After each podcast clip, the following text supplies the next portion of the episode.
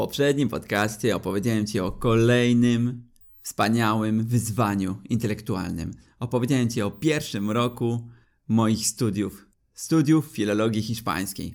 Opowiedziałem Ci też o niezwykłej, wspaniałej, dosyć ekstremalnej, ale bezpiecznej i miękkiej przygodzie. Miękkiej, bo to było miękkie lądowanie. W tym podcaście opowiem Ci o drugim roku moich studiów i opowiem Ci też o tym, jak po raz pierwszy zamieszkałem sam. O ogromnym kroku w samodzielność. No to co? Zaczynamy. Dzień dobry. Tu Paweł Król. Witaj w podcaście Cztery Zmysły. W wieku trzech lat w wyniku wypadku straciłem wzrok. Ale to wcale nie przeszkadza mi cieszyć się życiem i spełniać moje marzenia. Wziąłem udział w trzech triatlonach, trzech maratonach, trenowałem brazylijskie jiu i wziąłem udział w wielu zawodach. Walczyłem jak równy z równym z osobami widzącymi. Niektóre zawody udało mi się nawet wygrać. I nauczyłem się mówić płynnie w trzech językach obcych. Po angielsku, francusku i po hiszpańsku. I zrobiłem wiele innych ciekawych rzeczy, o których chętnie Ci tutaj opowiem. Jeśli chcesz wiedzieć, jak osiągam moje cele, jak wygląda moje życie na co dzień i jak podnoszę się po każdym upadku, to zapraszam Cię do wysłuchania tego podcastu. Jest rok 2010. Skończyłem pierwszy rok studiów. Pojechałem na wakacje, wróciłem z wakacji, ale zanim pojechałem na te wakacje, złożyłem dokumenty i przyznano mi akademik. Chociaż mieszkałem w Krakowie, miałem prawo do mieszkania w akademiku, dlatego że akademik był blisko uczelni. No więc nie musiałem przejeżdżać całego miasta codziennie. A poza tym myślę, że samodzielne mieszkanie jest takim milowym krokiem w stronę samodzielności osób niepełnosprawnych. Chciałem zobaczyć po prostu, jak to jest mieszkać samemu, jak to jest być samodzielnym. Nie mieszkać z rodzicami, nie mieć ciepłego obiadu podanego codziennie, robić sobie samemu regularnie pranie, odkurzać. Zaraz Ci opowiem o tym, jak to jest odkurzać, bo ja nigdy wcześniej nie odkurzałem. Ale na to jeszcze przyjdzie czas. No więc przyznano mi akademik. Pamiętam, gdy po raz pierwszy przyjechałem do akademika.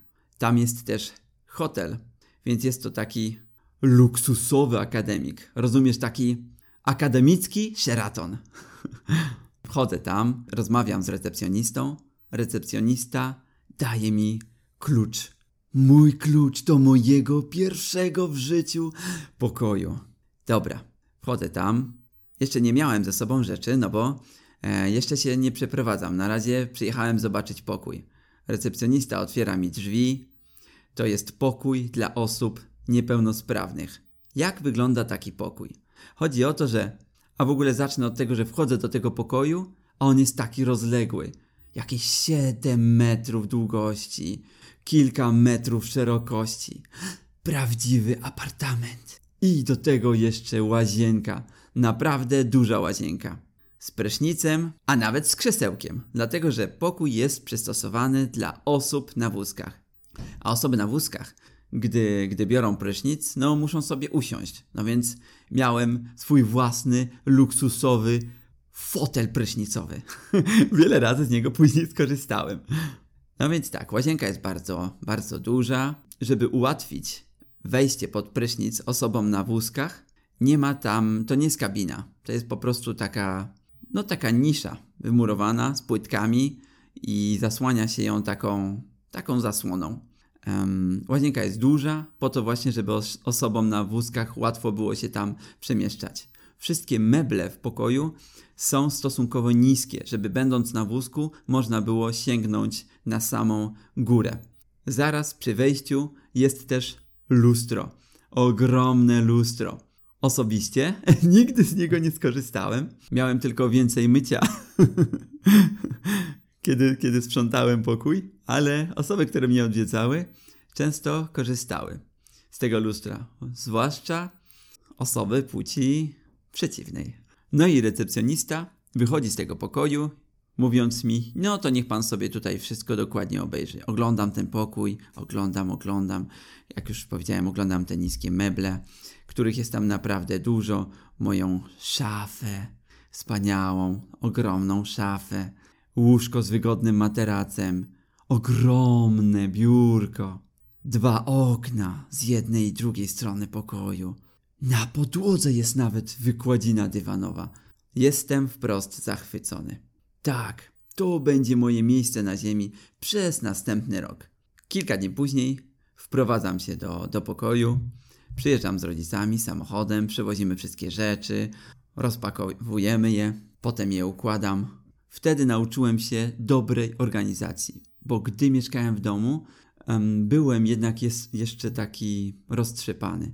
Często zapominałem o różnych rzeczach. Gdy mieszkałem sam, musiałem wymyślić sobie, gdzie będą określone rzeczy. Każda rzecz miała swoje określone miejsce. W szafie poukładałem rzeczy kategoriami: spodnie do spodni, koszulki do koszulek, bluzy z bluzami i swetrami, bielizna była osobno, wszystko było w doskonałym porządku. Tak samo rzeczy na półkach. Herbaty i kawa były razem, naczynia były osobno, sztućce osobno, wszystko musiało być dokładnie ułożone. Tak dobrze się w tym wszystkim wytresowałem, że potrafiłem w każdej chwili w myślach odnaleźć półkę i rzecz, o której właśnie pomyślałem. Na przykład herbata leży na drugiej półce od góry po lewej stronie. Kawa na prawo od herbaty. Wszystko potrafiłem sobie w każdej chwili wyobrazić. Dzięki temu nigdy nie musiałem niczego szukać. To jest bardzo ważne. Tak jak wspomniałem e, w piątym podcaście, e, gdy gotowałem. Bardzo ważne jest to, żeby wiedzieć, co i gdzie jest odłożone, tak, żeby nie trzeba było tego szukać. Wyobraź sobie, że jesteś osobą niewidomą i mieszkasz zupełnie sam. Skąd masz wiedzieć, gdzie są różne rzeczy? Skąd masz wiedzieć, jest herbata? Skąd masz wiedzieć, jest kawa? Musisz być dobrze zorganizowany. Nie masz innego wyjścia. Musisz dokładnie pamiętać, gdzie i co odłożyłeś. Bo jeśli nie, to zawsze będziesz wszystkiego szukać. No dobrze, opowiedziałem Ci już, jak ważne było dla mnie to, żeby być dobrze zorganizowanym, jako dla osoby niewidomej, żeby nie, żeby nie musieć wszystkiego ciągle szukać, biegać po całym pokoju i potykać się o brudne skarpetki albo o plecak zostawiony gdzieś na środku pokoju. No a teraz opowiem Ci o pierwszym odkurzaniu. To była przygoda. Mieszkam już od jakiegoś tygodnia w pokoju. Jeszcze nigdy nie odkurzyłem. W domu. Nigdy jeszcze w domu nie odkurzyłem. Nie wiedziałem w ogóle jak to zrobić. Przychodzą do mnie koledzy, spada słoik, rozbija się. No bo e, ja dużo gotuję i wtedy też bardzo dużo gotowałem, ale rodzice oczywiście i tak dawali mi dużo jedzenia, no więc miałem regularnie dużo pustych słoików. I jeden z takich słoików spadł z najwyższej półki na podłogę. Ale w przeciwieństwie do mnie, on nie miał spadochronu, więc jego lądowanie było dużo twardsze niż moje. I niestety rozbił się w drobne kawałki. Powiem szczerze, że ucieszyłem się, bo chłopaki posprzątały słoik, a potem odkurzyły mi. No i miałem porządek przez kolejny tydzień, ale musiałem w końcu zacząć odkurzać. Jak to zrobić? W każdym akademiku jest odkurzacz. Idziesz na recepcję, zostawiasz kartę stud studenta i potem możesz zaciągnąć odkurzacz do siebie do pokoju. Tak też zrobiłem. Zostawiłem kartę i pociągnąłem go za rurę przez całą długość korytarza, bo mieszkałem na końcu korytarza. Wchodzę do pokoju, za mną ciągnie się ten mały, metalowy potwór na kółkach. Teraz myślę sobie, jak odkurzyć, żeby odkurzyć skutecznie. Siedzę, kontempluję, aż w końcu myślę sobie, dobra stary, musisz w końcu odkurzyć. Przecież jest już straszny syf. Podłączam odkurzacz, włączam go.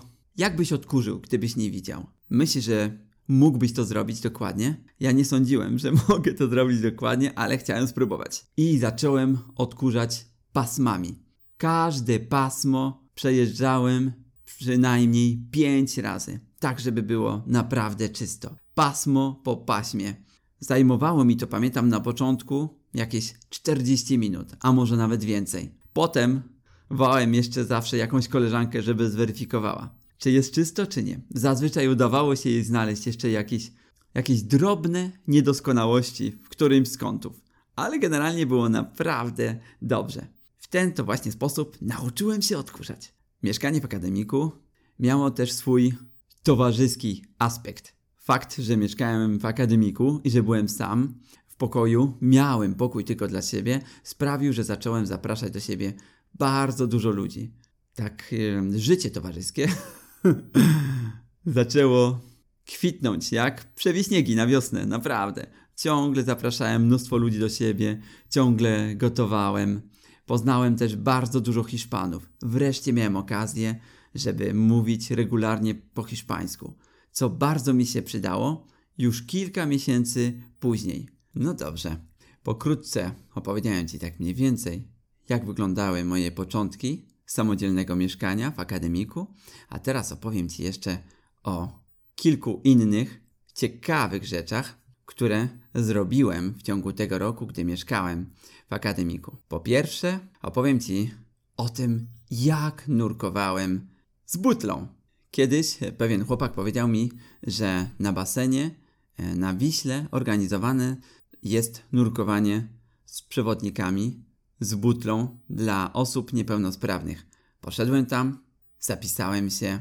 No i pamiętam, przychodzę tam w któryś weekend, podchodzi do mnie pewien chłopak, ma na imię Szymon, przedstawia się i wyjaśnia mi, jak wygląda takie nurkowanie z butlą. Przypinają mi taką kamizelkę wokół e, tułowia. Z tyłu jest butla. Do butli podłączony jest taki przewód. Przewód zakończony jest ustnikiem, który, jak sama nazwa wskazuje, wkłada się do ust. W ręce trzymam taki, taki zawór, który z przyciskiem, czy taki przycisk, mogę sobie go naciskać w zależności od tego, czy chcę, żeby było więcej czy mniej powietrza w kamizelce. Jeśli jest więcej powietrza, to wypływam. Jeśli jest mniej, to zanurzam się. Ponieważ nie widzę, bardzo ważna jest komunikacja dotykowa. No bo kiedy, kiedy nurkuję, nie mogę przecież rozmawiać e, z przewodnikiem. Przewodnik płynie obok mnie. Powoli, spokojnie. Stykamy się cały czas rękoma. I teraz, kiedy dotyka mnie kciukiem w dłoń od dołu, to znaczy, że będziemy się wynurzać. Kiedy dotyka mnie od góry, to znaczy, że będziemy się zanurzać. Więc nurkowanie jest oparte po prostu na, na dotyku. Komunikacja w nurkowaniu jest oparta na dotyku, no bo jak inaczej masz skomunikować się z osobą niewidomą, jeśli nie możesz jej nic powiedzieć? Musisz ją dotknąć, tak? Musiał mnie dotykać, tak żebym zrozumiał dokładnie e, o co chodzi. Komunikaty muszą być krótkie, tak, takie mm, jasne, no żeby, żebym nie musiał się zastanawiać, co trzeba zrobić. No i co? Szymon mi już wszystko wyjaśnił i wchodzimy do wody. Szymon mówi: Nic się nie bój, rozluźnij się i daj mi siebie prowadzić. Tak też uczyniłem. Wchodzimy do tej wody, zanurzamy się. Woda jest przyjemnie chłodna. Schodzimy coraz niżej, niżej. Też za nisko nie mogliśmy zejść, no bo basen na Wiśle ma chyba maksymalnie 4 metry głębokości, no więc to nie jest zbyt głęboko ale daje już jakieś wyobrażenie o nurkowaniu. Płyniemy sobie tak, zaraz przy dnie, mogę w każdej chwili dotknąć dna, gdy tylko zechcę. Szymon płynie obok mnie, więc czuję się bardzo, bardzo pewnie. Jestem zupełnie rozluźniony, a jednocześnie skoncentrowany. Skupiam się nad tą wodą, która leniwie opływa moje ciało i nad tym ustnikiem, um, no, który mam w ustach, no bo przecież to tylko dzięki niemu mogę, od, e, mogę oddychać. Nie, nie wyrosło mi skrzela, nie przecież. tylko, tylko dzięki temu ustnikowi mogę oddychać. W końcu Szymon dotyka mojej ręki, wynurzamy się. Kamizelka wypełnia się pomału powietrzem, a my wynurzamy się na powierzchnię. Szymon pyta, no i jak? Jak było? No ju jak to jak? Było super, odpowiadam. Potem nurkowaliśmy tak regularnie w każdą sobotę przez kilka tygodni pod rząd. Mieliśmy potem pojechać na obóz, gdzie mieliśmy nurkować w jakimś jeziorze, ale ostatecznie nie pojechałem. Teraz już nie pamiętam dlaczego. A teraz opowiem Ci o kolejnej miłości sportowej, którą odkryłem na drugim roku studiów i ta miłość dalej trwa. Tą miłością jest bieganie. W 2008 roku, dzięki pewnemu znajomemu, poznałem Jacka Pawlikowskiego, zapalonego biegacza, który oddał całe swoje serce bieganiu. Jacek jest też bardzo dobrym człowiekiem i lubi dzielić się swoją pasją z innymi. Lubi też pomagać innym ludziom. No i pamiętam, że przebiegliśmy taki biznes run na 8 km. No i potem przez dwa lata nie miałem kontaktu z Jackiem. I już nie pamiętam, jak to się stało, że Jacek odezwał się do mnie, albo ja do niego i przebiegliśmy bieg sylwestrowy w 2010 roku. Jak w ogóle wygląda bieganie z osobą niewidomą? Przewodnik ma w ręce jakiś sznurek albo, albo jakąś smyczkę od kluczy, coś, za co osoba niewidoma może, czego, czego osoba niewidoma może się trzymać. Przewodnik, gdy, gdy biegnie ze mną, nie może być rozproszony, dlatego że zaraz mnie po prostu w coś wprowadził. Musi być bardzo skupiony, więc ważne jest to, żeby znaleźć dobrego przewodnika. Jacek jest bardzo dobrym przewodnikiem. Musi ostrzegać o, o różnych przeszkodach. Musi ostrzegać o zakrętach. Kiedy teren jest jakiś e, trudniejszy albo zakręt jest ostrzejszy, wtedy przewodnik łapie mnie za rękę. No, tak, żeby to było jeszcze bezpieczniejsze. Bieganie po równym terenie jest naprawdę bardzo, bardzo łatwe. Ale nieraz biegaliśmy też po Lasku Wolskim, a w Lasku Wolskim jest bardzo dużo korzeni. Tam bieganie jest naprawdę trudne. Ale wszystko jest możliwe. Nawet wtedy, kiedy nie zupełnie nic nie widzisz. O, możesz się poczuć jak samochód terenowy, nie? możesz biegać po każdym terenie. Ale bardzo ważne jest to, żebyś powiedział przewodnikowi, żebyś go poinstruował. Jeśli nie masz doświadczonego przewodnika, ważne jest to, żebyś go poinstruował. Ja raz w życiu nie poinstruowałem i potem bolała mi ręka przez 4 miesiące. to było tak. Biegałem z Patrykiem, który, z którym biegałem już od y, bardzo dawna i Patryk został na chwilę z tyłu, żeby zrobić zdjęcia. I oddał mnie w ręce pewnego niedoświadczonego przewodnika, który myślał, że ja jeszcze trochę widzę. A ja, dla mnie było to takie oczywiste, że on wiedział, że ja nie widzę, dlatego nic mu nie powiedziałem. No i biegniemy sobie spokojnie, rozmawiamy sobie o różnych śmiesznych rzeczach i nagle schody w górę. Bardzo mnie zaskoczyły. Zamiast wejść po tych schodach, zamiast po nich wbiec, ja po prostu położyłem się na nich. Teraz to jest dla mnie śmieszne, ale uwierz mi, wtedy wcale nie było. Ręka goiła mi się przez kilka tygodni, a bolała mnie przez następnych kilka miesięcy. To była dla mnie taka lekcja na przyszłość. Jeśli biegniesz z niedoświadczonym przewodnikiem, wytłumacz mu od razu dokładnie, jak powinien cię prowadzić. Dobrze, to była taka mała anegdota, bo chciałem powiedzieć, jakie ważne jest to, żeby informować przewodnika o wszystkim, że to nie tylko przewodnik musi być skupiony, ale ja też. A teraz wróćmy jeszcze do biegania jako do sportu. Z Jackiem polubi polubiliśmy się od razu i zaczęliśmy startować w różnych zawodach. Pamiętam pierwszy półmaraton na bieżni. Wyobraź sobie, że jesteś na siłowni i biegniesz 21 km 100 metrów na bieżni. Bieżni elektrycznej. Zrobiłem to. to była dobra zaprawa do pierwszego półmaratonu w plenerze. Jest marzec, rok 2011. Zimno, jak nie wiem. Pada deszcz, pruszy śnieg. Ale zapisaliśmy się już z Jackiem, no więc nie wycofamy się. Stajemy na starcie, słychać wystrzał i ruszamy. Jakieś 2000 zawodników, może nawet więcej.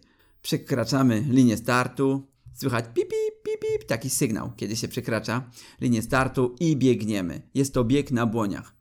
6 kółek wokół błoń, bo błonia mają 3 km 500, ponad 3 km 500 metrów. Biegniemy, biegniemy i biegniemy i biegniemy i biegniemy w kółko. Gdybym widział, to może nawet zakręciłoby mi się w głowie. Ale że, że nie widzę, nie zakręciło mi się w głowie. Pamiętam, dobiegamy w końcu do mety. Jestem taki zmęczony. Pan komentator tego biegu, pan, pan prowadzący, bierze mnie na scenę. Pyta mnie, Paweł, jak to było? Jak przebiegłeś ten bieg? Jak to jest w ogóle możliwe?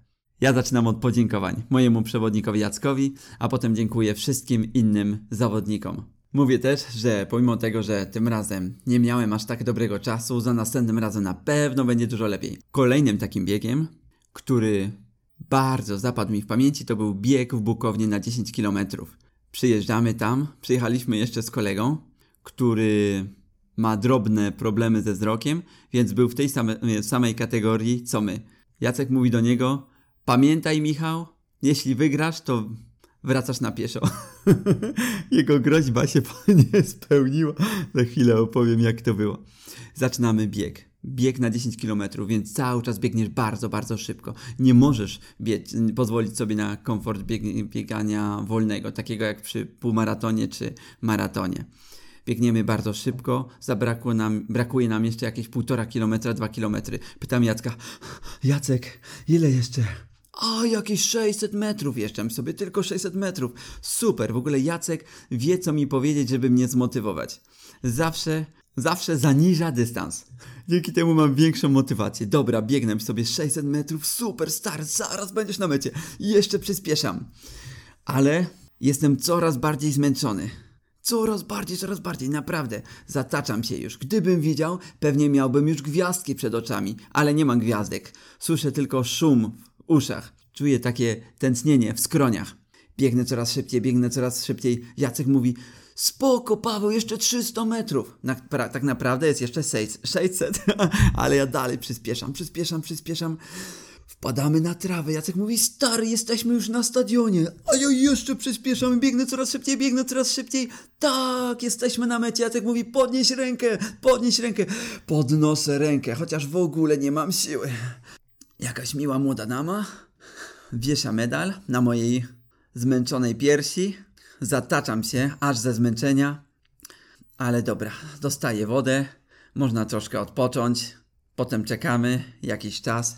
Przychodzi moment na dekorację. I co? Wchodzę na podium! Jestem drugi w mojej kategorii. Zgadnij, kto ze mną wygrał? Michał! Michał ze mną wygrał. Ale nie, nie spełniliśmy naszej groźby. Wrócił z nami samochodem. Dostałem też wtedy taką figurkę. Figurkę biegacza. Do tej pory ten biegacz stoi dumnie u mnie na półce. Jeśli chcesz wiedzieć dokładnie, jak wygląda bieganie z, ze mną, z osobą niewidomą, jeśli nie wystarczy Ci to, co właśnie opowiedziałem, zapraszam Cię na stronę www.4zmysl pisane literkami.pl. Tam znajdziesz link do naszego filmiku, gdzie będziesz mógł dokładnie zobaczyć, jak to wygląda. Może nawet zainspiruje Cię i sam będziesz kiedyś przewodnikiem dla jakiejś niewidomej osoby. A teraz opowiem Ci, zacznę opowiadać, bo będę kontynuował w następnym podcaście o jednej z najwspanialszych przygód w moim życiu. Na treningach karate tradycyjnego poznałem Karola Kleszyka. Karol Kleszyk był kulką energii, wiecznie uśmiechniętą. Był też podróżnikiem. Karol wszędzie jeździł na rowerze. Pewnego razu umówiłem się z pewną koleżanką, żeby pójść na imprezę i był tam też Karol. Zaczęliśmy gadać sobie przed tą imprezą. Było też troszkę substancji rozweselającej, a wiadomo, że wtedy rozmowa zawsze dużo lepiej się klei, więc pierwsze lody zostały bardzo szybko przełamane. No i to był początek pięknej przyjaźni. Później regularnie rozmawialiśmy z Karolem przed treningami karate, no i po treningach. I w naszych głowach zaczęło się rodzić marzenie. Pomyśleliśmy, że moglibyśmy kiedyś pojechać na ekstremalną wyprawę. Ale gdzie pojechać? Najpierw pomyśleliśmy, że to mogłyby być Andy, że moglibyśmy wspiąć się na któryś z ośmiotysięczników. Ale dla Karola żadna wyprawa nie mogłaby zaistnieć, gdyby nie było tam rowera. Pamiętam, jak zapytałem kiedyś Karola: Karol, jesteś takim podróżnikiem. Czy może byśmy pojechali kiedyś na jakąś wyprawę? A Karol mi wtedy powiedział: No chętnie, ale tylko na rowerze. Ale nie mieliśmy jeszcze żadnego rowera. Nie mieliśmy, w sensie nie mieliśmy tandemu. Jak zorganizować tandem? Musieliśmy napisać plan wyprawy, żeby osiągnąć jakieś środki. W międzyczasie przyłączył się do nas jeszcze jeden uczestnik wyprawy. Karol poznał w czasie jednej z wypraw do Chin pewnego młodego lekarza, Szymona Świrtę. Wkrótce ja też poznałem Szymona. I w ten sposób mieliśmy już skompletowaną drużynę pierścienia. A właściwie drużynę rowera. Spotkaliśmy się kiedyś we trzech i wspólnie doszliśmy do wniosku, że jednak nie pojedziemy do Azji, bo trudno byłoby wjechać na jakiś ośmiotysięcznik na rowerze. Doszliśmy do wniosku, że pojedziemy do Ameryki Południowej. Zaczęliśmy szukać w internecie i znaleźliśmy pewną górę, która była najwyższym podjazdem rowerowym na świecie. Pewni bracia wjechali na tę górę na rowerach parę lat wcześniej. Ta góra to Aukan Kilcha, 6176 metrów ponad poziomem morza.